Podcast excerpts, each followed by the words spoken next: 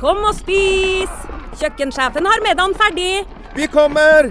Vi skal bare Åh, det er da så morsomt her på Stiklestad! Ja, men sjøl en god viking må ha både mat og hvile. Og dessuten kan dere nå være noen dager. Velkommen til Scandic Stiklestad. Moderne fasiliteter i historiske omgivelser. Det var her det skjedde. Det er her det skjer.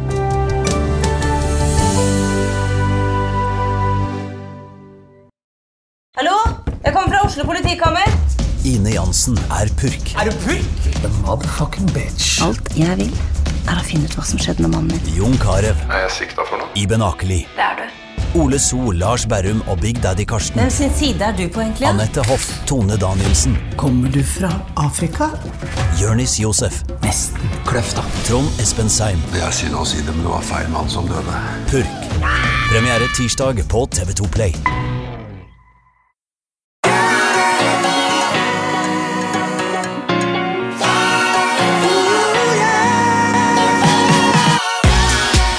Ny uke, en ny episode av uh, Hjernesterk. Og eh, Ole Petter, eh, i dag så har vi besøk. Endelig, Det er andre gang i podkasten at vi har besøk. Og vi har jo fått noen innspill om dette her med Folk er veldig opptatt av helhet, og vi får jo en del innspill fra lytterne våre. Det er kjempegøy via Instagram-kontoen vår, og også Facebook osv. Kjempegøy med engasjement. Men dette med kosthold er jo selvfølgelig liksom, det, det må vi jo ha med, og du har jo nevnt disse byggeklossene. Og da kan du liksom ikke komme utenom kosthold. Så du ville ha en gjest, Tine Sundfør. Velkommen. Hei, tusen takk. Veldig Jeg har jo sett deg mye på TV, jeg har aldri møtt deg i virkeligheten. Nei, endelig, i like måte. Ja, nesten starstruck jeg, når du kom inn her nå. Ja, da er det vel jeg det. som burde ja, jeg være ble det. starstruck. Nei, jeg ble da det. er det jeg som burde være det. Slutt, Slutt da! Nei. Ja, i hvert fall Veldig hyggelig at du kunne komme her på podkaststudio podcaststudio og snakke med oss om Jernsterk, for det temaet er hjernen. Finnes det mat for hjernen? Ja, det er vel litt tema i dag, er det ikke det, Ole Petter? Jo, det er tema, og da er det jo naturlig å um, ringe Tine og spørre om hun kan komme. For hun er jo ikke noen hvem som helst. Tine er jo um, klinisk ernæringsfysiolog. Hun har en doktorgrad om um, kosthold, overvekt, fedme og risiko for hjerte-karsykdom. Hun er forfatter og en av Norges aller fremste kostholdseksperter. Ja, så Du er ikke bare Tine Sundfør, du er jo faktisk en grunn til at du snakker om kosthold. Dette var veldig hyggelig.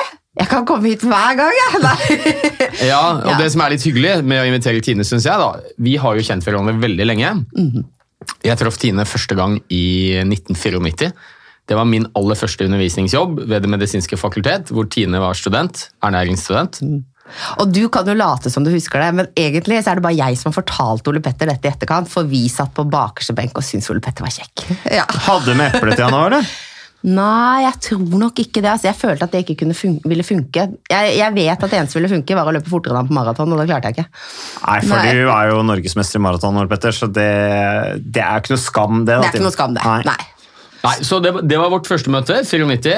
Og um, senere har våre veier krysset mange ganger ved forskjellige steder. Vi har jobbet med noe som heter Synergihelse, undervist ved Høgskolen Kristiania, og nå skriver vi en bok sammen. Ja, det er veldig gøy. Så vi har jobba både klinikk og undervisning ikke sant? og formidling sammen. Så det er jo, For jeg føler jo at eh, begge de tingene er fine å ha med seg når vi skal snakke om det temaet vi skal i dag. Ja, Og så skulle vi egentlig holdt et foredrag om dette sammen, men det ble jo da dessverre utsatt, avlyst. Korona, av- Korona Korona. utsatt. Ja, Korona. men det kommer til å bli mange foredrag om dette, da.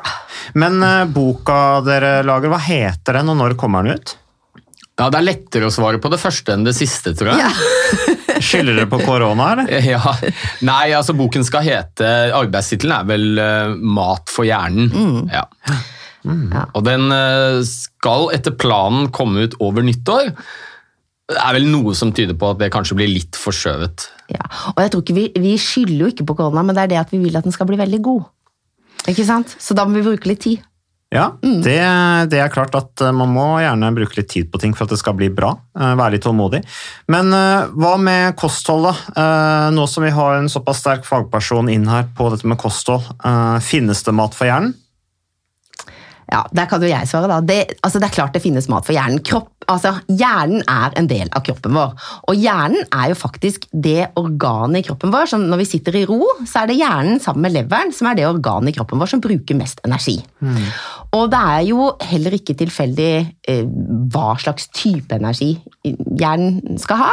Og det er jo også slik at i tillegg til det, så er jo hjernen da også bygd opp av alle disse byggeklossene som dere har snakka om før. Så det er jo ikke bare det at vi trenger eh, nok mat og mat i riktig tidspunkt, men vi bør også få i oss de vitaminene og mineralene og fettsyrene og antioksidantene som er gunstig for hjernen. Så eh, det er klart at det, det har mye å si hva slags kosthold vi spiser. Men jeg er egentlig aller mest opptatt av når det gjelder kosthold, så syns jeg så mye blir sånn Det er så mye pekefinger. Det er så mye snakk om alt vi ikke skal gjøre. Så i dag så har, sånn, har, vi, har, jeg lyst til at vi skal ha et mål, og det at vi skal snakke mest om det vi skal gjøre mer av, og lite om det vi ikke skal gjøre. Det er det ene. Og så håper jeg at vi skal kunne se på en måte alle de der mulighetene som ligger i maten.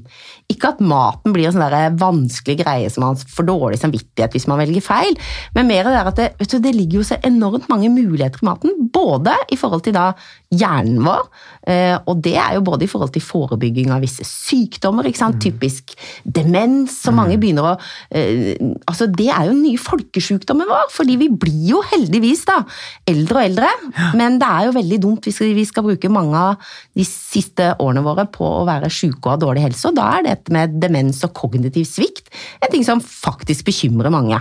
Ja, vi, var jo, vi er opptatt av det. Forrige episoden vi la ut var jo nettopp om demens, så det er jo absolutt viktig. Mm. Var det noe mer du ville si om det? Nei, jeg tenker Det viktigste er at vi skal se på mulighetene med mat, og vi skal se på øh, hva vi skal spise mer av. Og så en ting til, og det er at mat har mye å si for hjernen vår indirekte via dette her at mat er veldig viktig for livsgleden vår. Mm. Fordi det er ikke bare næringsstoffene i maten som betyr noe for øh, egentlig også da for hjernen vår. og Vi sier at mat kan påvirke humør. Og det kan mat via næringsstoffene, men det kan det også via det å ha det hyggelig å spise sammen. Mm. Altså det, er jo, det, er jo noe det, det, er noe av det hyggeligste jeg gjør i hverdagen min. Det er å spise gode måltider. Så det er ikke bare vinen? Det er ikke bare, bare vinen. Jeg, jeg, er glad i vin òg, jeg. Men det er jo sånn at for, for, hjernen, og nå tror jeg at jeg egentlig holder meg godt innenfor der, så bør man ikke drikke for mye alkohol, selvfølgelig. Og ikke mer enn et glass om dagen, i hvert fall. da. Nei, det er klart når fungerer, hjernen fungerer bedre etter et glass vin, da har du kanskje drukket litt mye. Da har man nok det, ja. jeg tenker Dette er jo et veldig godt utgangspunkt for en samtale. Snakke litt mer om hva vi bør gjøre mer av, og Mm. ikke hva vi ikke skal gjøre. Altså gulrot framfor pisken. Ikke sant? Og den gulroten må ikke bli noe du gjør som en sånn nødvendig onde. Hvis du bare spiser gulrøtter fordi du tror du må spise gulrøtter, så blir jo gulrøtter veldig kjipt. Akkurat nå for tiden så smaker faktisk gulrøtter veldig godt på denne tida av året. Ja. Ja, fordi nå er de helt nye. I går var jeg var på vei hjem fra hytta, så da stoppa vi på en gårdsbutikk, og da gikk hun faktisk og tok opp buntene med gulrot mens vi sto der. Ikke sant? Og helt ferske gulrøtter smaker faktisk fantastisk, selv om de kan være ganske kjipe i februar. Men hvis du bare forbinder de med mat som er sånn her, å, det her bare må jeg spise for det er så bra for meg, så smaker de kjipt allikevel. Ja. Jeg husker veldig godt eh, da jeg eh, studerte, så, og vi hadde ernæring. Vi hadde ikke så veldig mye om det, men det vi hadde, så var det liksom, mantraet var at uh, mat det er jo byggesteiner, og så er det energi. Men det var veldig lite snakk om hvordan det påvirket normale funksjoner i hjernen, f.eks. Så har vi blitt mer og mer klar over det, at den maten vi spiser, uh, det er ikke bare byggesteiner og energi. Det påvirker hjernens normale funksjoner som du trenger i hverdagen. Humør, hukommelse, kreativitet. Også, ikke minst, så påvirker det risikoen for å bli syk. F.eks. Alzheimers demens, depresjoner, ADHD. Så mat er medisin. Ja, og, og det tror jeg er en veldig viktig ting, det du sier akkurat der. Da, fordi på den ene siden så kan vi si selvfølgelig påvirker mat hjernen, men samtidig så er det faktisk ganske interessant, fordi dette her, her er, dette er et veldig sånn nytt forskningsfelt, egentlig. Hvor det er særlig de siste par tiårene, vil jeg si, at man har forsket mye på akkurat dette feltet. Og vi kan jo begynne med noen av de der ikke sant, hva, hva skal vi gjøre mer av, da? Og hvorfor? Og det ene er jo at eh, altså Hjernen vår det er jo som de fleste vet, og det vet dere to også, den er i stor grad blant annet bygd opp av fettsyrer. Og Derfor har det mye å si for barnet som ligger i magen, at det får riktig tilførsel av de fettsyrene. Og de fettsyrene vi snakker om da, da det er jo først og fremst det er noen varianter av disse omega-3 og omega-6-fettsyrene som er ekstra viktig for hjernen vår og for oppbygningen. De er også viktige senere i forhold til vedlikehold, men de er aller, aller viktigst idet man skal danne en ny hjerne, hvor man trenger virkelig mye av det.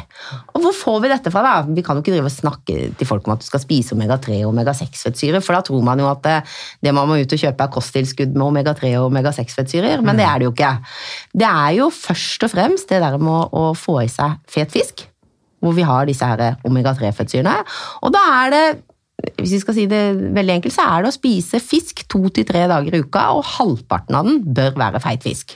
Men Tine, er det sånn at hvis du da, hvis du kan gjøre et lite eksperiment med deg selv, da. Mm. Hvis du velger da å ha en dag hvor du uh, utelukkende spiser uh, usunt, la oss si kjører på med chips og frityrstekt mat, Mm. og liksom det verste. Ja, og så tar du en uke hvor du da kjører eh, fisk og mye omega, 6 og 3 og hva det er du sier, eh, og sunne valg, at det påvirker hvordan du tenker og hva du føler.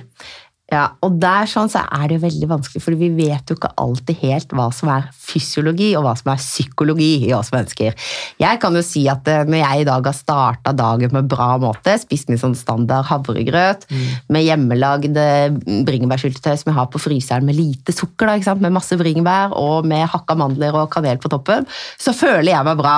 Ja, Men påvirker ikke det fysiske det psykiske, da? Jo. Så det er, sant? så, så ja. til en viss grad ikke sant, så er dette også fordi at det bidrar til at de har et stabilt blodsukker, og det er jo en av de der umiddelbare effektene. De fleste av oss vi er ikke så opptatt egentlig av hva vi skal gjøre for å unngå å få hjerneslag om 20 år, men vi er opptatt av at eh, jeg vil ha noen effekter nå. Og eh, da er det klart at det, det å ha, ha spist en bra frokost som gir deg et mm, stabilt blodsukker, det er bra både for konsentrasjon, humør og det å ikke kjenne på en litt sånn lett indre uro. Eh, Frank Zappa har sagt det at hjernen ligner mye på en fallskjerm. Den er best når den er åpen. Du kan jo relatere deg til fallskjermer, Ole Petter. Ja, den er best når den er åpen, det er helt sikkert.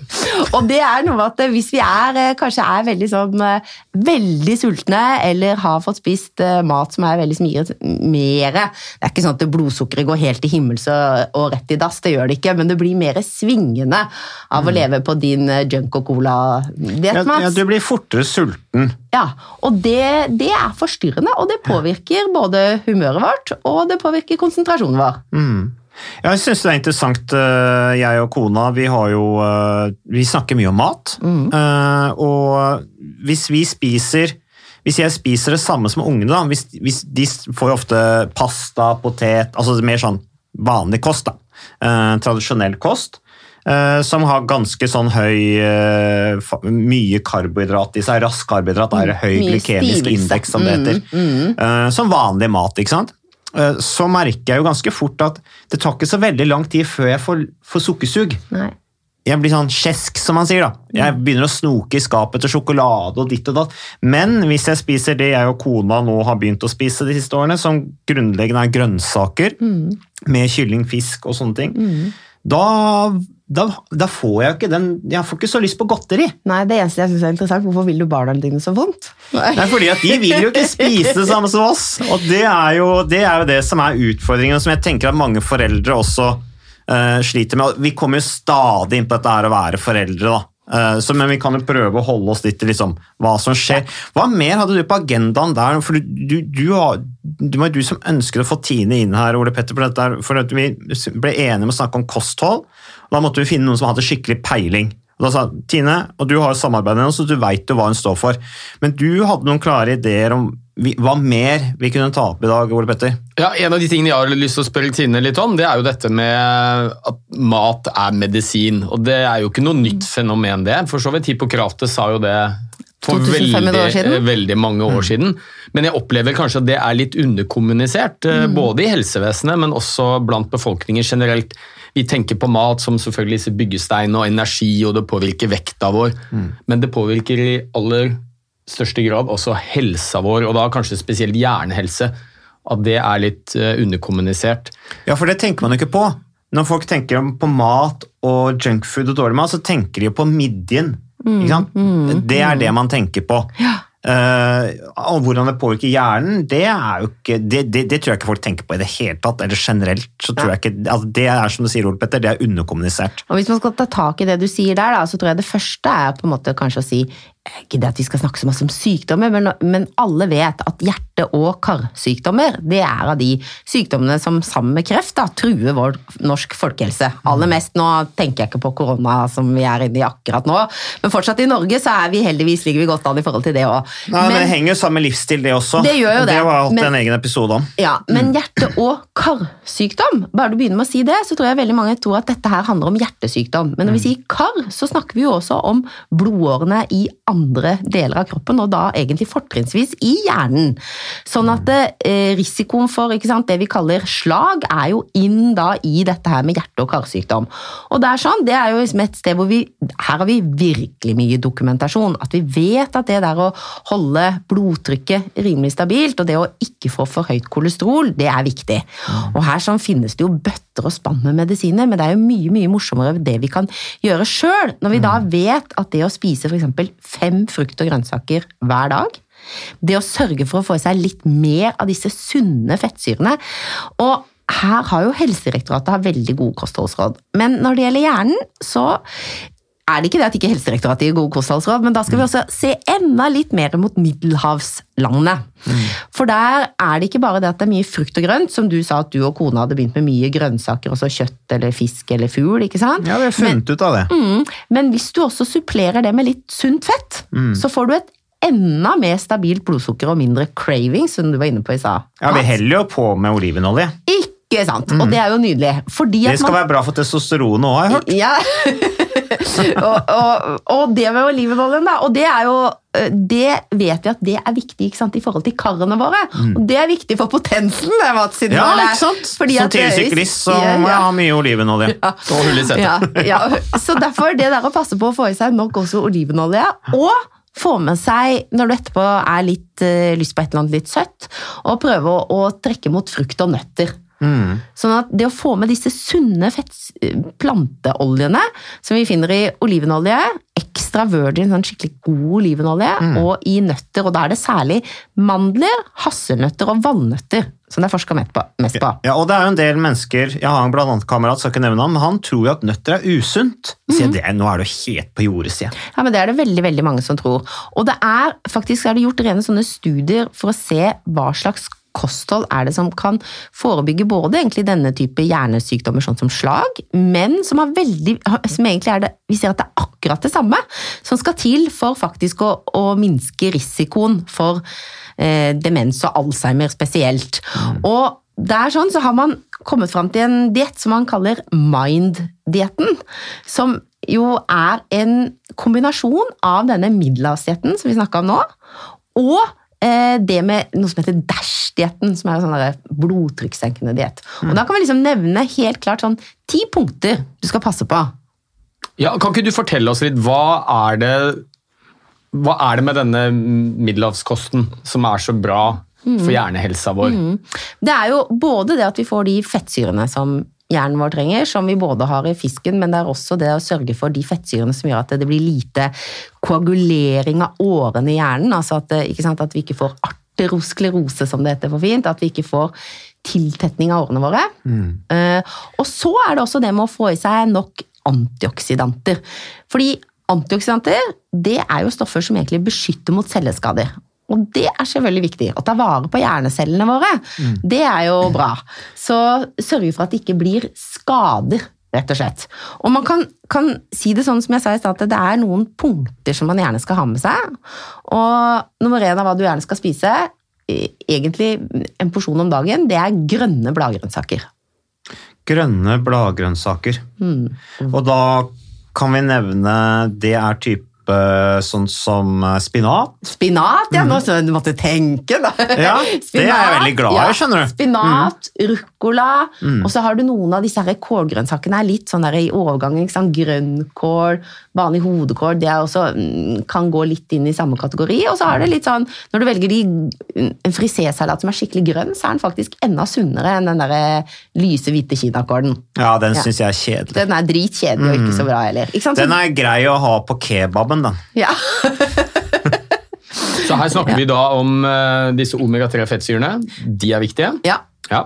Og de er viktige bl.a. fordi de er viktige for hjernecellenes struktur og funksjon. De hemmer inflammasjon. Ja. Altså Inflammasjon må vi jo si hva det betyr. da. Betennelse. hemmer betennelse. Ja, ja.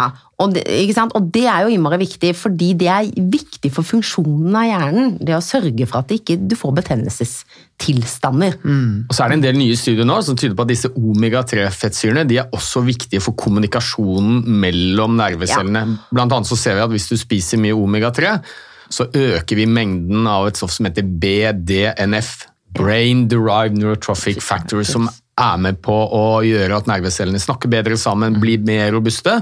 Og som det til og vi- med kan tyde på at man kan lage nye nerveceller i noen områder av hjernen. Og det ser jo også ut til å være en av de tingene som gjør at, at eh, omega-3-fettsyrer kan minske risikoen for depresjon.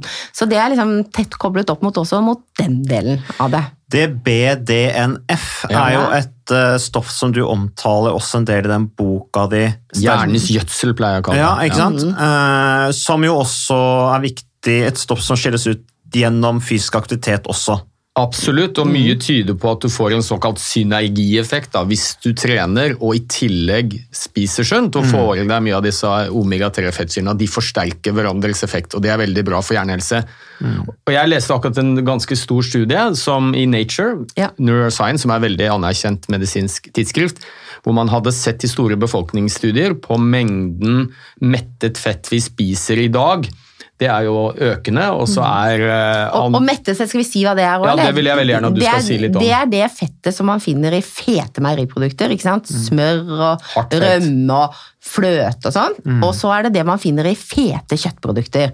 I pølser og kjøttdeig og Mm. bacon og den delen der. Altså fjøsfettet, eller hardt fett. Ja, og så har vi dette transfettet, gjerne industrielt eh, laget fett som brukes blant annet i bakevarer for å øke holdbarhet osv. Og nå, nå stoppa jeg der, men jeg bare tenkte sånn at folk er med på at ja, det er faktisk mer og mer av dette mettafettet.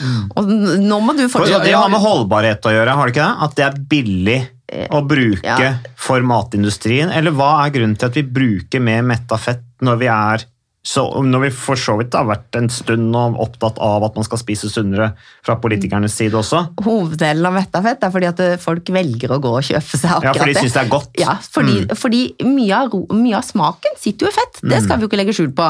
Sånn at eh, mange syns at eh, det å lage en god entrecôte som er marmorert med mye fett, det er veldig lett. Mens å lage en god ytrefilet, den kan lettere bli tørr. Og den smaker ikke like mye. Så det sitter jo smak i, i mm, fettet. Så det synes jeg, også er det veldig mange som fortsatt velger å kjøpe mer pølser og kjøttdeig enn de vil kjøpe ren kyllingfilet. Det er der mesteparten kommer fra. Ja, og så kan du tenke litt evolusjonsmessig også. Vi er jo laget, altså Koblingen mellom smaksløkene våre og belønningssenteret i hjernen er jo sterkt knyttet opp mot at eh, på savannen så trengte vi Når vi først ble sultne, så var det fint å spise mat som inneholdt veldig mye kalorier. Så vi er jo naturlig glad i søte, søte matvarer og de som inneholder mye fett. Men nå har jeg egentlig dårlig samvittighet, for jeg stoppa deg midt i nature-studien. Hovedpoenget mitt var det at man har sett i store befolkningsstudier at i vestlige land så spiser vi mer mettet fett, transfett, og mindre av disse flerumettede fettsyrene, f.eks. omega-3. Og samtidig så ser man en økning i hyppigheten av f.eks. depresjon og Alzheimers demens, som er veldig godt korrelert med det økte inntaket av mettet fett og det reduserte mengden omega-3. Man kan ikke si med 100 sikkerhet at det er en årsakssammenheng, men det er nærliggende å tro det. Så det vil si at disse omega-3-fettsyrene kan være viktige for å forebygge ikke bare Alzheimers demens, men også mentale lidelser. Og i en del land nå så bruker du jo faktisk omega-3-tilskudd som eh, en behandling i, av pasienter med bipolar lidelse, det som kalles manisk depressiv lidelse, eh, depresjoner osv. Og da er det jo greit å si også at i de studiene som er gjort hvor man bruker det som behandling, så er det ikke nødvendigvis som eneste behandling, Nei, men det kan det være som behandling ved siden av eh, kognitiv terapi, ikke sant? Altså den delen der, så det betyr jo ikke at dette her heller er enten-eller, at nå trenger du bare å begynne å få i deg feit fisk, og så er alt bra, men det er jo en kombinasjon. Og Uh, igjen så har jeg lyst til å påpeke at eh, det man får størst effekt av, både i studier hvor man ser på hjernehelse, men også da hjertet, det er jo fint at det blir friskt samtidig, det er det å spise mer da å få disse omega-3-fettsyrene ved å spise mer feit fisk. Så det er ikke først og fremst det å ta tilskudd. Men i tillegg til det så anbefaler vi å ta tran, da, som inneholder D-vitamin og også da omega-3-fettsyrer. Mm. Men i Norge så er det et paradoks, for kjøttinntaket fortsetter å gå til himmels, og fiskeinntaket går nedover. Og her bor vi i et land med så mye bra fisk! Ja, så Fisk er jo den klart beste kilden Ja. til omega-3. Ja. Men la oss si du ikke liker fisk da, Ja. av en eller annen grunn, og skal ta tilskudd. Ja. Så er jo det blitt en milliardindustri, det å kjøpe disse krillbaserte og mm. veldig fancy omega-3-supplementene. Men tran? Det er jo billig og bra. Billig og bra. Og en ting til som er greit å påpeke, det er at når du skal se bak hvis du skal se på et omega-3-tilskudd for å vite om er dette her bra eller er det ikke bra, så skal du lete etter to forkortelser. EPA, stor E og P og A, eikosa penta-ensyre. Og DHA, dokosa heksa-ensyre. For da vet du at det er de langkjedede omega-3-fettsyrene. Og det er de langkjedede omega-3-fettsyrene som er koblet opp mot nettopp denne kommunikasjonen mellom celler, den betennelsesdempende effekten, det å uh, passe på cellene våre. Der er det disse langkjedede omega-3-fettsyrene. Så de som ikke så det skal være EPA og DHA. Da vet du at ok, jeg har et bra tilskudd foran meg, og da er det billige akkurat like billige tranen, akkurat like bra som fancy postordrekapsler. Ja, Det er bra, vet du. Så det er da omega-3-fettsyrene, og så snakket vi om antioksidanter. Ja. Og, og der er det jo sånn at Hjernen er jo vårt mest metabolsk aktive organ. altså Det er det organet som bruker mest oksygen. Eh, hjernen vår utgjør 2 av kroppsvekten hos en voksen person. Bruker omtrent 20% av oksygenet. Og Et biprodukt av å bruke oksygen, sånn som mennesker gjør, det er jo at vi lager noe som heter frie oksygenradikaler. Og, og de er potensielt skadelige, kanskje spesielt for nervecellene våre. Så de må nøytraliseres, og da har vi heldigvis et antioksidantforsvar. Mange av antioksidantene la Ukas annonsør det er HelloFresh. Og eh, hvis du nå går inn på hellofresh.no og bruker koden 'fresh hjerne', så kan du få opptil 1779 kroner rabatt på da de fem første matkassene dine hvis du ikke har prøvd Hello Fresh enda. Og Ole Petter, vi er jo glad i Hello Fresh i podkasten Hjernesterk, eh, selvfølgelig fordi at de er en annonsør. De er med og bidrar til å spre det glade ordet om fysisk aktivitet og god helse. Men i tillegg så har jo vi også nå lang erfaring med Hello Fresh eh, selv. Så vi må jo si at det har vært gode erfaringer til nå. Ja, absolutt. Visste du, Mats, at HelloFresh det er faktisk verdens ledende matkasseleverandør? Og tilbudene til HelloFresh gjør det enkelt å lage gode og varierte retter som skaper matglede. Og matglede vet du, det er like viktig som hva du putter i munnen. Det å spise mat med folk du trives med. Så gjennom 25 nye og inspirerende retter hver uke så bidrar HelloFresh til dette. Du kan bestille ekstra porsjoner om du får gjester, eller hoppe over uke hvis du f.eks. skal bort. Og Det er ingen bindingstid, og du velger leveringstidspunkt og dag selv, så leverer HelloFresh matkassen din akkurat når det passer deg. Ikke dårlig, Mats. Nei, det er veldig bra. Så, øh, og dette er med enklere hverdag, det kan jeg nå skrive under på. For nå, forrige erfaring vi hadde forrige uke, Ole Petter, det synes jeg var Det var jo et gjennombrudd øh, for familien Kaggestad. For da lagde rett og slett barna De lagde middag og serverte middagen, så den var ferdig laget og servert da når eh, min kone Marita og meg kom hjem fra jobb. Og jeg mener Det var jo bare helt utrolig. Eh, Det var helt fantastisk. Det ble en nydelig middag. Riktignok de, de, de, de roter og søler litt, det gjør de. Så, men, men maten ble veldig god. De var veldig stolte over å kunne ha både laget og servert maten, så det var helt fantastisk. Så vi har jo da i det siste så har vi eh, spist eh, bl.a. sitron- og dillstekt hyse med ovnsbakte grønnsaker og aioli. Eh, Vi har spist middelhavsinspirert kylling. Taco, så finnes det mange ulike typer taco. F.eks. vietnamesisk taco, som vi har spist. Thailandsk vegetargryte. Veldig riktig og sunt eh, i dagens eh, samfunn med, med fokus på bærekraft. Hvitløk og chilistekte reker i spagetti, det var definitivt en vinner. Så det er så flott. Du får rimelig mat ved at du kun betaler for det du trenger, så det blir ordentlig feststemning med Hello Fresh. Det gjør det, og nå er det bare for deg å gå inn på hellofresh.no og bruk koden fresh hjerne. Da får du opptil 1779 kroner rabatt på de første fem matkassene dine, hvis du ikke allerede har prøvd HelloFresh. Du kan også bruke rabattkoden hvis du har stoppet abonnementet ditt for tolv måneder siden eller mer. Er det noe å lure på? Håper maten smaker godt. Bon appétit! lager vi selv, men ok. ganske mange må vi få i oss gjennom kosten. Ja. Og hva er Blåbær, det som for eksempel. inneholder ja? Alt som har sterk farge, ikke sant? Er det ikke sånn? Jo, det er, hoved, det er hovedregelen. Og når du trener, så lager du faktisk også veldig mange oksidative radikaler. Ja. Eh, Så det er eh, greit å vite at eh, kroppen vår samtidig som vi gjør mye fornuftig, vi tenker og vi trener, så lager den faktisk noen biprodukter som potensielt kan skade cellene i kroppen vår hvis vi ikke har disse avgiftningsstoffene. Og da er det som du sier, det er sterke farger, så det er frukt og grønnsaker med, med mye farge. Men så er det jo alltid unntak da, som skal bekrefte regelen. Det, er- det syns jeg er så teit uttrykk. Ja. Men eh, det, ikke sant, for eksempel løk og hvitløk, som er helt hvite, inneholder også veldig mye antioksidanter. Ja. Og så er det mange som har hørt at det, det er masse antioksidanter i mørk sjokolade og i kaffe, og det er riktig det også. Men allikevel så ser det ut til at det er særlig disse antioxidantene fra frukt og grønnsaker som virkelig har potensialet og, eh, i forhold til å være beskyttende. Og så er det aller, aller viktigste her, det finnes så enormt mange, det finnes mange tusen forskjellige antioksidanter. Vi har fortsatt ikke klart å kartlegge alle, så vi kan ikke si sånn spesielt at du må spise ekstra mye av den og den og den. Men vi kan si at eh, du bør ha et variert inntak av frukt og grønnsaker, og du bør spise minst fem om dagen. Fem håndfuller. En porsjon er en håndfull. I USA og Frankrike så anbefaler de ti om dagen.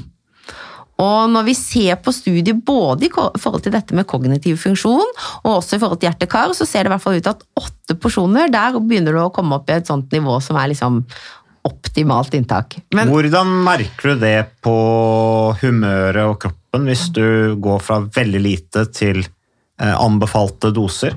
Altså jeg tenker Noe av det var du inne på i stad. at i det du spiser mer, Det er kanskje det som er så interessant med grønnsaker. I det du spiser mer grønnsaker, som du sa i stad, så spiser du automatisk litt mindre av noe annet. Så da dytter du kanskje ut mer den der litt sånn rene sånn stivelsesmaten, som er eh, pasta og, og ris og sånne ting som ikke nødvendigvis engang er fullkornsvarianten. Og da vil du merke det, at du får eh, dette her jevnere blodsukker enn deg. Det gir bedre konsentrasjon og gir igjen også bedre humør. Det å være Og, og, og da får du bedre mestringsfølelse. Du føler deg ikke som en taper. Du er ikke svak. Det er bare fordi at du spiser riktig som gjør at du kan endre på følelsen. Ja? Ja, og så, tror jeg det er noe med det der at vi kjenner også at eh, det å gjøre de gode valgene, det gjør kanskje at vi er litt mer tilfreds med oss sjøl, da. Ja, Men mestringsfølelsen går opp. så syns jeg det er veldig viktig det motsatte òg. Det er ikke sånn da Jeg har spist sjokolade i helgen.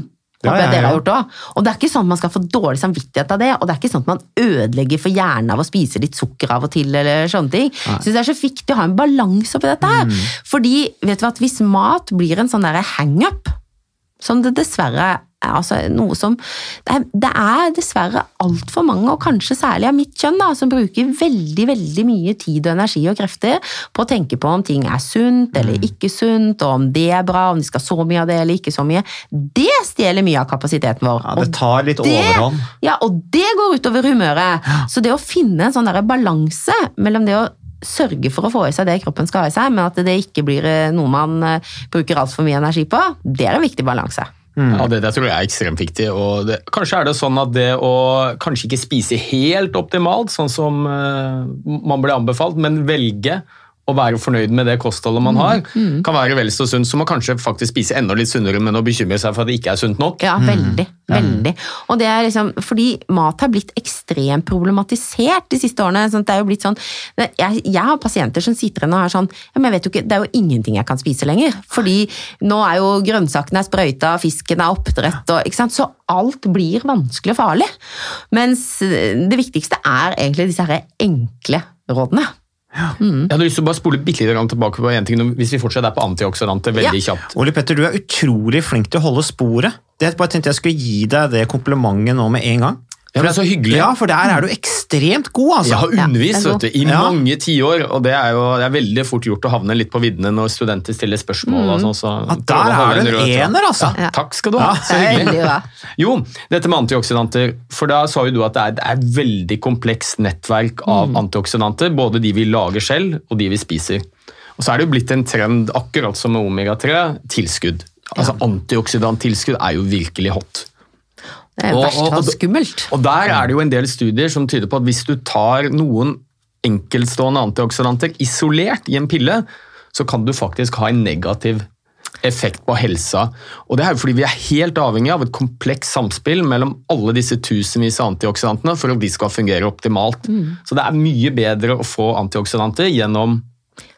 Frukt og grønt, grønt i enn å kjøpe det på helsekostforretninger. Ok, Så det kan ødelegge den naturlige produksjonen, er det det du sier? Nei, ikke det, men det er det at den ene antioksidanten, når den på en måte ufarliggjør et, et av disse frie radikalene, så blir den faktisk selv et fritt radikal, for å gjøre dette veldig vanskelig. Og hvis du bare har noen få typer antioksidanter, så kan det hende at du faktisk lager en enda mer potent fritt radikal enn det som var der i utgangspunktet. En av de tingene man har sett dette med, er bl.a.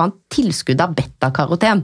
Betakaroten er jo noe som det er masse av gulrøtter. Det er ingen studier som viser oss at, eh, at, at ikke gulrot er sunt. Altså Det å spise gulrot er helt fantastisk, for det fins flere antioksidanter der. Er det noen som leter etter en, en grunn til å ikke spise gulrøtter? Nei, ikke akkurat det, da.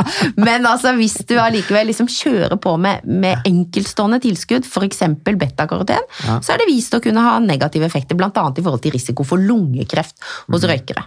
Du, er ikke det litt sånn, eh, I og med at jeg kommer fra idretten og har vært opptatt med doping, og sånne ting, så sier man at hvis du tar testosteron, så ødelegger det den naturlige testosteronproduksjonen, og da må du gå på det resten av livet. Er, er det Stemmer det, eller? Ja, men det, det er nok en litt annen mekanisme. Det er noe som heter sånn negativ tilbakekobling, som rett og slett er kroppen eh, ønsker å ha en stabil eh, konsentrasjon av testosteron, og hvis du tar det i sprøyteform f.eks., så hemmer kroppen egenproduksjonen i testiklene. Og står du lenge nok på testosteron, f.eks. i sprøyteform, så vil jo testiklenes egenproduksjon være så dempet at det kan være vanskelig å få det i gang igjen. Ja. Men det er ikke vist med er antioksidantilskudd. Altså. Nei, Nei, Men det er det der å få det der komplekse, altså det å få alle Du kan se for deg, jeg pleier å tenke på sånne dominobrikker som detter. Ja. At du liksom, hvis du skal slå ut én, så må de dette nedover alle sammen. At du må ha én som tar over for én, som tar over for én. Det Mm. er det som er så ekstremt viktig for å få dette antioksidantforsvaret til å fungere. Så få antioksidantene dine gjennom maten din, frukt og grønt Ja. primært. Ja. Ja. Og så er det en ting jeg har lyst til å bare si om antioksidanter også, og det er dette med korn. Eh, Mm. De kornsortene vi spiser klart mest av i verden, det er ikke sant, mel og, og ris, Ja. de inneholder veldig lite an- antioksidanter. Men hvis du klarer å bytte ut hvitt mel og hvit ris med sammalt med Ja, og, og Mel også særlig havre, havregryn og bygg, som det egentlig er veldig gode sånne kornsorter i Norge. Mm. der er det også veldig mye mer antioksidanter. får du 50 mer antioksidanter. Ja. Men Tine, du nevnte grøt. Er du veldig glad i grøt? Er det ekstra bra start på dagen, eller? ja, for meg så er havregrøt er liksom number one, men det er jo en kombinasjon av at jeg syns det er veldig godt, og at ja, det er veldig sunt, og så er det jo så kjapt og enkelt, og så er det utrolig billig, faktisk. Fordi at eh, det er jo dessverre litt sånn at det å spise det aller sunneste, særlig hvis du kommer på kjøtt og fisk og skal ha de rene filetene og sånn, så kan det være litt dyrt, da. Hvis man nå er student da, og sitter der hjemme og tenker at nei, vet du hva, for meg er det skikkelig viktig å ha en skjerpa hjerne, så er det jo greit å vite at du kan også gjøre det på en ganske sånn billig måte, det å, å leve sunt, og en av tingene er eksempel havregrøt til frokost, det er noe av det billigste du kan spise, og tillegg veldig godt. Og så kan du ta litt, da, litt, litt honning oppi, er jo greit. Og så kan du ta litt nøtter oppi, og så litt blåbær. Så høres jo det veldig sunt ut. Ja, det det er jo veldig sunt og veldig godt, og der synes jeg du sier et viktig stikkord igjen, at, det, at Og så ser det fint ut, da. Det var. At det har noen av disse her som alle har hørt om at det er ekstra mye antioksidanter, f.eks. i blåbær og granateple. Og, ikke sant? Krekling. Krekling, ikke sant? Men det viktigste er faktisk det er, den derre- det, er det, derre- det er mengden og det er variasjon. Så ikke heng deg opp i at du trenger å spise eh, krekling eller nyper. Der er det også mye, ikke sant? Nyper og, og blåbær, men eh, det viktigste er variasjon, altså. Så dette middelhavskostholdet, det er bra. Ja. Kan du si noe bare kort, hva er det som, eh, hvis folk har lyst til å begynne å spise middelhavskosthold, hvordan er det annerledes enn det gjennomsnittsnordmann Ja. spiser, og eventuelt er det annerledes enn det Helsedirektoratet anbefaler? Ja. Hvis vi sier først da, så kan du si at veldig mange i Norge spiser jo mye en såkalt western diet. Og en western diet består jo ofte mye av eh, prosessert mat. Mye meieriprodukter og kjøtt. Mye mm, sånne kornprodukter som er fra hvor det er mindre fullkornsdel, og så er det også noe frukt og grønt, og så er det en del sukker. Eh, Helsedirektoratet anbefaler jo ikke dette. De anbefaler jo også i hovedsak et plantebasert kosthold, altså med mye grove kornprodukter, mye eh, frukt og grønnsaker, mer fisk, og så å begrense mengden av rødt kjøtt og sukker, og så velge de sunne fettsyrene. Men det som er litt betegnende for middelhavskostholdet i forhold til Helsedirektoratet, det er at de fokuserer enda mer på de sunne fettsyrene fra olivenolje og fra nøtter.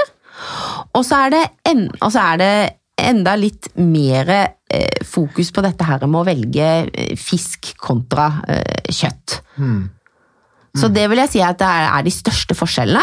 Eh, men ellers så ligner jo denne her eh, godeste middelhavspyramiden veldig mye på den kostsirkelen vi har i Norge. Så det er mange fellestrekk òg. Men man driver nå og reviderer eh, kostholdsanbefalingene altså i Norge. Nå, og, altså, når du har, Igjen? I, ja, det er faktisk begynner å bli noen år siden vi fikk kostholdsrådene, de offisielle kostholdsrådene. Og så er det jo det at når du sier igjen, så syns jeg jo det er litt kult òg, fordi mange har jo det inntrykket at de syns at Helsedirektoratet er så treige, de er så avleggs, og det kommer aldri noe nytt. Ja. Men det som er viktig, er jo at Helsedirektoratet de endrer ikke sitt råd at det kommer én ny studie. Nei. For hvis du leter etter det, altså det finnes alltid, du kan nesten alltid finne én studie som bekrefter akkurat det du ønsker å finne. Men det som vi er opptatt av når vi gir råd, det er å vise hva, hva er det hoveddelen av studiene viser. Men mitt tipp, hvis jeg skal tippe noe om hva som blir mer vektlagt i de nye eh, kostholdsrådene, så er det dette med nøtter. Mm. At usalta nøtter Hasselnøtter, mandler, valnøtter, det tror jeg kommer til å bli enda mer hot. Og så tror jeg vi kommer til å vektlegge også enda litt mer belgfrukter. Men der er jo matvarebransjen allerede litt foran skjema, for de er jo ganske flinke til å liksom Sånn småsultenposer med nøtter. Er, men det er, og det har jo inntrykk av er et sånn relativt greit valg, da. Ja, ja, ja. Det er bare at de fleste velger ikke som deg, skjønner du, så de kommer ut av sjokkisen og ikke de nøttene. Sånn at, det- men, eh, men eh, det er sant det at eh, matvarebransjen er det viktig å spille på lag med, tenker jeg. Mm. Jeg og holdt foredrag sammen med Bent Høie, og han sa det at eh, det er ingen god idé å drepe kunden sin. Det er ikke noe god bedriftsidé, og det er jeg veldig enig i. Det synes jeg er innmari godt sagt. Sånn at eh, hvis matvarebransjen har lyst til å ha kundene sine, så bør de faktisk ha fokus på et eh, helsefremmende kosthold. Jeg har spørsmål, og det er spørsmål jeg ofte får av eh, studenter blant annet, og det er hva skal man spise for å prestere optimalt? Og Bakgrunnen for spørsmålet er jo litt Jeg har jobbet på en høyskole i veldig mange år, og så har jeg av og til vært, sånn, vært innom når studentene skal ha eksamen for å svare på spørsmål da, som faglærer. Og da ser jeg stort sett studentene, selv de som studerer helsefag, de sitter med brus og sjokolade og boller som de da dytter i seg like før de skal starte å svare på spørsmål. Ja, og det er jo, er jo litt paradoks, da. Eh, Det er sånn så tenker jeg jo, For det første så skal du spise, da. Det er kanskje det verste, da. Hvis du våkner om morgenen, og så skal du ha eksamen den dagen, og så er du så stressa og nervøs at du nesten ikke orker å spise. Og vet du hva? Hvis du ikke orker det heller, hvis du er så, føler deg sånn om morgenen, så tar du med deg litt ekstra mat. Men så er det jo på mange måter det jeg vil kalle vanlig mat, da, som er bra, men det er jo det å ha fokus på igjen, da. Disse grønnsakene og de grove kornproduktene. Og lage deg noe Men lag deg noe digg, for det er jo litt viktig å kose seg litt på eksamen. Det husker jeg også tilbake igjen. Altså at det å gjøre eh, den der eksamensdagen til noe som er litt koselig, sånn at eh, to kjipe tørre brødskiver med gulost, liksom, det er litt B. Men lag deg en digg sandwich, i hvert fall, med noe ferskt grovt brød, og putt litt pesto og litt mm. kyllingpålegg inni, eller noe fiskepålegg og litt grønt, og ha med deg kanskje ikke bare et sånn helt eple som bråker når du skal spise det, men den dagen så unner du deg litt blåbær og litt småtomater og litt sånt noe, så du må jo unne deg noe ekstra. Så jeg tror det er det som ligger i den der bolleposen og colaen, ikke sant? Mm, Ja, ja, ja. unne seg noe. Gjerne noe godt. Ja, gjerne noe godt, men det bør jo være noe som faktisk gir deg et, et, god energi som varer gjennom den eh, dagen. Da. Og ikke, hvorfor vil vi ikke ha den her bolleposen og colaen? Det er jo selvfølgelig fordi at du får en raskere blodsukkerstigning, og da overreagerer kroppen på en måte litt, for kroppen må vite at det å ha veldig høyt blodsukker over tid, det er ikke bra. Og da pøser den ut insulin, da, som er det hormonet som er med på å åpne opp cellene, sånn at sukkeret kommer inn i cellene og ikke blir værende i blodet. Og da overreagerer en litt, sender ut litt vel mye insulin, og så får du liten sånn dipp før det liksom driver og jobber seg opp og prøver å stabilisere seg igjen. Og det er jo det du kjenner på når du blir egentlig sulten, bare begynner å fyse litt etter å ha spist sånne stivelsesrike måltider. Ja, og det påvirker konsentrasjonen din. Og det Og hjernen er et ja. utgangspunkt Ja. Når du skiller ut mye insulin, kanskje mer enn det du egentlig bør, så blir jo blodsukkeret litt lavere, og, og det går jo virkelig utover hjernens, nervecellenes funksjon. Ja. Så jeg pleier å si at det er litt som å sitte og spise boller og drikke brus. Det er litt som å hive bensin på et bål. Du får en voldsom flamme, og så dør det fort ut. Legg heller på en vedkubbe. Grov, Ikke grov brød, noe med fiber, Mm. som gjør at blodsukkeret stiger mye langsommere og holder seg stabilt mye lenger. Og det er jo litt viktig, synes jeg, når vi nevner hjernen og egentlig nerveceller og hjernen. Da. Det er det at de skjønner Det er bare én type energi de kan bruke, og det er i utgangspunktet så er det faktisk eh, glukose. Altså det som kommer fra karbohydratene. Eventuelt ketonlegemer, som det heter også, da, som kan bruke hvis det er bare fett. Men derfor så blir dette blodsukkeret av litt sånn ekstra stor betydning, fordi at det må holde seg jevnt. Så vi trenger karbohydrater, men vi trenger da den her vedkubben som Ole Petter sier, med de grove karbohydratene, fordi det trenger hjernen og nervecellene, men vi trenger ikke disse her raske eh, karbohydratene som gjør at det, det Nei, og der er det mange som bommer, tror jeg i dag, altså. Med det der karbohydrat, at det er liksom demonisert og fy av meg. Det skal man i hvert fall ikke ha. Mhm. Ja, Men det, det er jo helt, det er helt innafor å ta litt karbohydrater, og spise karbohydrater. Det må man jo ha, tenker jeg. Ja, og når man trener, ikke minst vi om i sted, så er det jo det er den lettest tilgjengelige energien for musklene våre, og det er den viktige energien for hjernen vår. Så, det, så når folk spør meg sånn, er du for eller mot karbohydrater, så synes jeg det er helt idiot. Altså for det første så handler jo ikke dette om hva jeg er for eller mot, det handler om hva forskningen viser. Men det er her sånn at du må jo skille mellom grove kornprodukter og frukt og grønnsaker, og, og sukker og stivelse og ja, brus og godteri. Det er to helt forskjellige ting. Det ene spiser vi det ene trenger vi innimellom fordi det er veldig godt, og da koser vi oss med det. Men det andre, det trenger vi i hverdagskostholdet vårt. Ja, det var veldig bra, Tine, at du sa det. Eh, For det karbohydrater, det trenger vi, men det er forskjellige typer karbohydrater. Eh, Og så er jo ikke dette her en podkast som liksom det er enten-eller.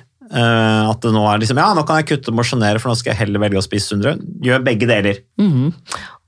Og det, og det henger jo også sammen. Altså jeg syns at eh, trening er helt Det ser jo jeg også når jeg jobber med pasienter, at trening er alfa og omega. Eller trening er egentlig så dårlig ord, nå sa jeg det igjen. Jeg liker jeg, ja, mosjon, Nei, men fysisk aktivitet. aktivitet. fordi Ja. jeg vet at det, Og det har så mye å si. fordi det, det er sikkert mange av dere som hører på nå også, som når jeg begynner å snakke om trening, så kjenner dere på piggene ut og blir irritert. Mm. Og I hvert fall så vet jeg at mange av mine pasienter blir det, så derfor så skal jeg si aktivitet.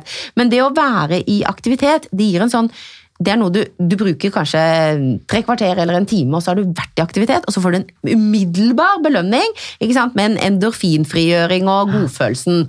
Og når du får den, så får man også mye mer lyst til å velge det som er riktig for deg å spise. Så de to tingene henger så ofte sammen. Men en annen ting, Tine. Altså, det tror jeg vi har snakket om Ole Petter, på en annen podcast, men jeg mener jo at fysisk aktivitet også er med å stabilisere blodsukkeret. Og da hvis du følger opp den følelsen fra den fysiske aktiviteten, eller den effekten av den fysiske aktiviteten, med også et kosthold som bidrar til å stabilisere blodsukkeret, så er jo det veldig forsterkende. Altså, jeg tenker nå her, Hvis du er opptatt av helse, så er det noen grunnpilarer i helsen din. Kosthold er definitivt et av dem. Fysisk aktivitet, bevegelse er det, og søvn er det. Mm. Og Det som er litt interessant, er jo det er jo sammenhenger mellom disse tre tingene også. Vi vet f.eks. at hvis du endrer livsstil, begynner å bevege deg litt mer, så har mange en tendens til å begynne å spise litt sunnere også. Og, og sover du nok, så eh, altså sover du for lite, så er det veldig fort å overspise. Vi ser det er nær sammenheng mellom kronisk søvnmangel og overvekt. Så disse tre tingene henger veldig sammen, da. så du forsterker effekten av de andre gode livsstilsvanene ved at du gjør alle sammen. Det er litt av en maskin vi styrer over når vi våkner om morgenen. Og så tenker jeg Det er én ting vår. som er litt spesielt med kosthold. Den røde tråden i vår podkast er jo fysisk aktivitet. Og det vet vi, det er viktig for helsa vår. Det er både for normal funksjon i hverdagen, redusere risiko for sykdom senere i livet. Rett og slett leve flest mulige eh, friske år. Men en av utfordringene er jo at vi trenger ikke lenger å bevege oss i hverdagen. Nei. Vi må ikke bevege oss noe særlig for å komme gjennom For vi må dagen. ikke hente mat. Nei, vi må ikke hente mat, vi må ikke flykte, flykte fra fienden. Og, og det er jo en av grunnene til at 75% av befolkningen er definert som inaktive. Men mat, det må vi spise alle sammen. Så kanskje er dette med kosthold et enda viktigere, eller kanskje bedre redskap for å gjøre noe med folkehelsa. For mat er noe vi må forholde oss til alle sammen. Ja, du kan og- kutte bort treninga, men mat må vi ha. Ja, og, og det er jo altså, Og der sånn er det klart at det, vi har fått noe av den samme utfordringen, egentlig, for du sier at vi trenger ikke lenger å bevege oss. Og mat er i forhold til hva vi tjener, blitt veldig veldig billig. Vi bruker bare 10% av det vi tjener i snitt på mat, mens vi brukte 40 da, i 1960. Og det er klart at det, det gjør noen ganger at det, vi, du kan bare gå inn så kan du bare handle akkurat det du vil i forhold til lommeboka di. Så det, det stiller liksom ganske strenge krav til oss som menneske. Og det er klart at hjernen vår, den husker jo For det syns jeg er litt viktig å si med det her sukkeret, at vi sier nå at det, hvis det blir mye sukker og stivelse, så, så in, the, in the long run så gjør det deg mindre konsentrert og mindre opplagt. Men det første du får, det er jo noe som oppleves som et positivt rush. Det gir jo, det gir jo også frigjøring av endorfiner, disse velbehagsstoffene, hormonlignende stoffene som gir den der gode følelsen. Og det husker vi jo veldig lett. Og derfor så er det jo veldig lett at vi suger på, altså vi blir veldig sugne og får lyst til å få akkurat den følelsen. Hvis man får til fysisk aktivitet, så får man noe annet som gir stimuli av akkurat det samme, som gir deg den der gode velbehagsfølelsen, og så er det kanskje lettere å velge det som i kostholdsform gir deg den gode følelsen i det lange løp. Men, men det syns jeg er viktig. altså Hjernen vår den er jo en, altså den synes jo også, hvis du har sittet sånn og tenkt nei, jeg må ikke ta det og må ikke ta det, og så gir du etter, det føles i første omgang som en sånn kjempebelønning. Og bare gi etter og bare, uff, bare gjøre akkurat sånn som du hadde lyst til. Så den derre umiddelbare følelsen er ikke egentlig nødvendigvis den derre som forplanter seg i kroppen Nei, over lang tid. Det er ikke så rart at vi blir frista og har lyst på sukker. Og hvis du har blitt innmari, innmari sulten, det har gått for lang tid, så sender jo kroppen deg beskjed om du trenger noe som gir rask energi. Den gir deg jo beskjed. Du vil ha loff og sjokkis. Ja, det er lov å la seg friste, er det en sånn reklame som uh, sier. Men det er veldig interessant det der med, med kosthold som medisin. Eh, Ikke sant? For Man tenker jo bare på det som at ja, gå opp eller ned i vekt. Men det er liksom hvordan det også påvirker mer sånn finjusterte mekanismer som oppi hodet vårt. da, Gjennom kosten som er kjempespennende. Og, og Spørsmålet er liksom hvordan man i framtiden og det blir stadig mer anerkjent som metode innenfor helsefaget. da. Uh, og det, Der er det vel fremdeles en vei å gå, vil jeg tro. Ja, Iallfall legestudiet som jeg har snakket om, vi har nesten ingenting om fysisk aktivitet som medisin. Nei, vel- igjen, ikke sant? der sier du det. Vi har snakket om fysisk aktivitet, dere lærer ingenting om det der, og nå også kost. er veldig begrenset hva legestudenter lærer om eh, mat som medisin og ernæring generelt. Det er vi ikke spesielt gode på. Nei, og det, men det tror jeg også er litt av utfordringen at eh, legene er veldig gode til å fortelle deg hvis du, du skal ta en antibiotikakur, så får du veldig sånn klare beskjeder om at du skal ta tre piller om dagen, ta den med mat, sånn, sånn, sånn. Hvis du har glemt en pille, skal du ikke ta en ekstra. Mens når man får kostholdsråd, så får man ofte egentlig bare beskjed om og, og aktivitetsråd. Spis litt mer. Tren litt mer, så ses vi om tre måneder. Ja, så da, enkelt er det jo. Ja, og da kan jo Ole Petter og jeg fra klinikken si med hånda på hjertet at det stort sett da etter tre måneder så har det ikke skjedd noen ting. Og derfor så har jo jeg, ikke sant, Ole Petter, når du har datt i gang trening på, på legekontoret, så er det jo helt fantastisk. Jeg kan ikke servere alle måltidene til, til meg. pasienter. Det hadde vært veldig hyggelig. Men det som er, det å være mye, mye mer konkret, derfor ikke bare si spis sunnere, men liksom, jeg, det jeg kanskje digger mest av alt, det er kanskje det der vi kaller den her tallerkenmodellen. Ikke sant? Som er helt sånn basic, og bare tenk deg at hver gang du skal spise et måltid, så se for deg den foran deg. Tenk at du deler tallerkenen din i hvert fall i tre, og på den ene delen, den ene tredjedelen, der skal det være grønnsaker, eventuelt frukt, kanskje litt mer frukt og bær om morgenen for mange, og så litt mer grønnsaker til lunsj og til middag. Og så tredjedel nummer to, så skal det være kjøtt, fisk, fugl, og da vil vi fortrinnsvis ha litt mer av det hvite kjøttet og fisken, og litt mindre av det opplanda kjøttet. Og den siste tredjedelen, så skal du ha grove kornprodukter eller potet. Og så en ting til, og det er litt sunn fett. Da, Hvis du på en måte tenker den til alle måltidene dine, så er du i, så er du i mål. Og ikke gjør det så vanskelig. og litt sånn, Jeg pleier å si det også, at vet du hva? Sånn som nå på fredag så var jeg, har jeg vært på hytta på fjellet, og vi kommer opp seint. Ja, vi har spist frossenpizza! Og da sier folk 'spiser du det?' Men jeg lager jo alltid en svær salat ved siden av, ikke sant? med god olivenolje og litt hakka nøtter og litt sånt noe på. Og da er det ikke sånn at jeg trenger å si til meg selv 'å nei, ikke et stykke til'. Fordi da har jeg spist masse salat, så jeg orker ikke like mye pizza. Og da, Det blei løsningen den kvelden, for det er det du får til. Men gjør det liksom litt bedre. Ikke tenk sånn derre supersunn og at det må være perfekt hele tiden. Men den derre, tenk den tallerkenmodellen til alle måltider, så er du egentlig i mål. Noe av det beste med store salatboller og sånn, er at du kan på en måte spise, spise litt ekstra. Du kan ta Ja. en porsjon til ja. uten at du føler at det er, er dumt, Det som er at det er feil. Nei, det er jo egentlig jo mer jo bedre, nesten. Altså, du vet mange av grønnsakene Du kan spise deg stappmett, liksom. ja, men du vet Du kan nesten fråtse. Du kan jo det. Men mange av grønnsakene vet du hva? Noen av grønnsakene inneholder faktisk så lite kalorier at det koster mer energi for kroppen å fordøye de og bryte de ned, enn det de egentlig bidrar med. Skal vi la det være siste ord, Ole Petter? Ja. Det høres veldig bra ut. Jeg liker jo veldig godt dette med å spise variert, gjerne et eh, kosthold som minner om dette middelhavskostholdet. Og det er lov til å skeie ut av og til. Ikke glem matgleden. Spis gjerne med andre også. Mat er mye mer enn bare kalorier vi putter inn i munnen. Det er sosialt. Ja, Sunnhet og nytelse kan kombineres. Det var veldig fint. Takk for at du kunne komme på Jernsterk, eh, Tine. Takk for meg.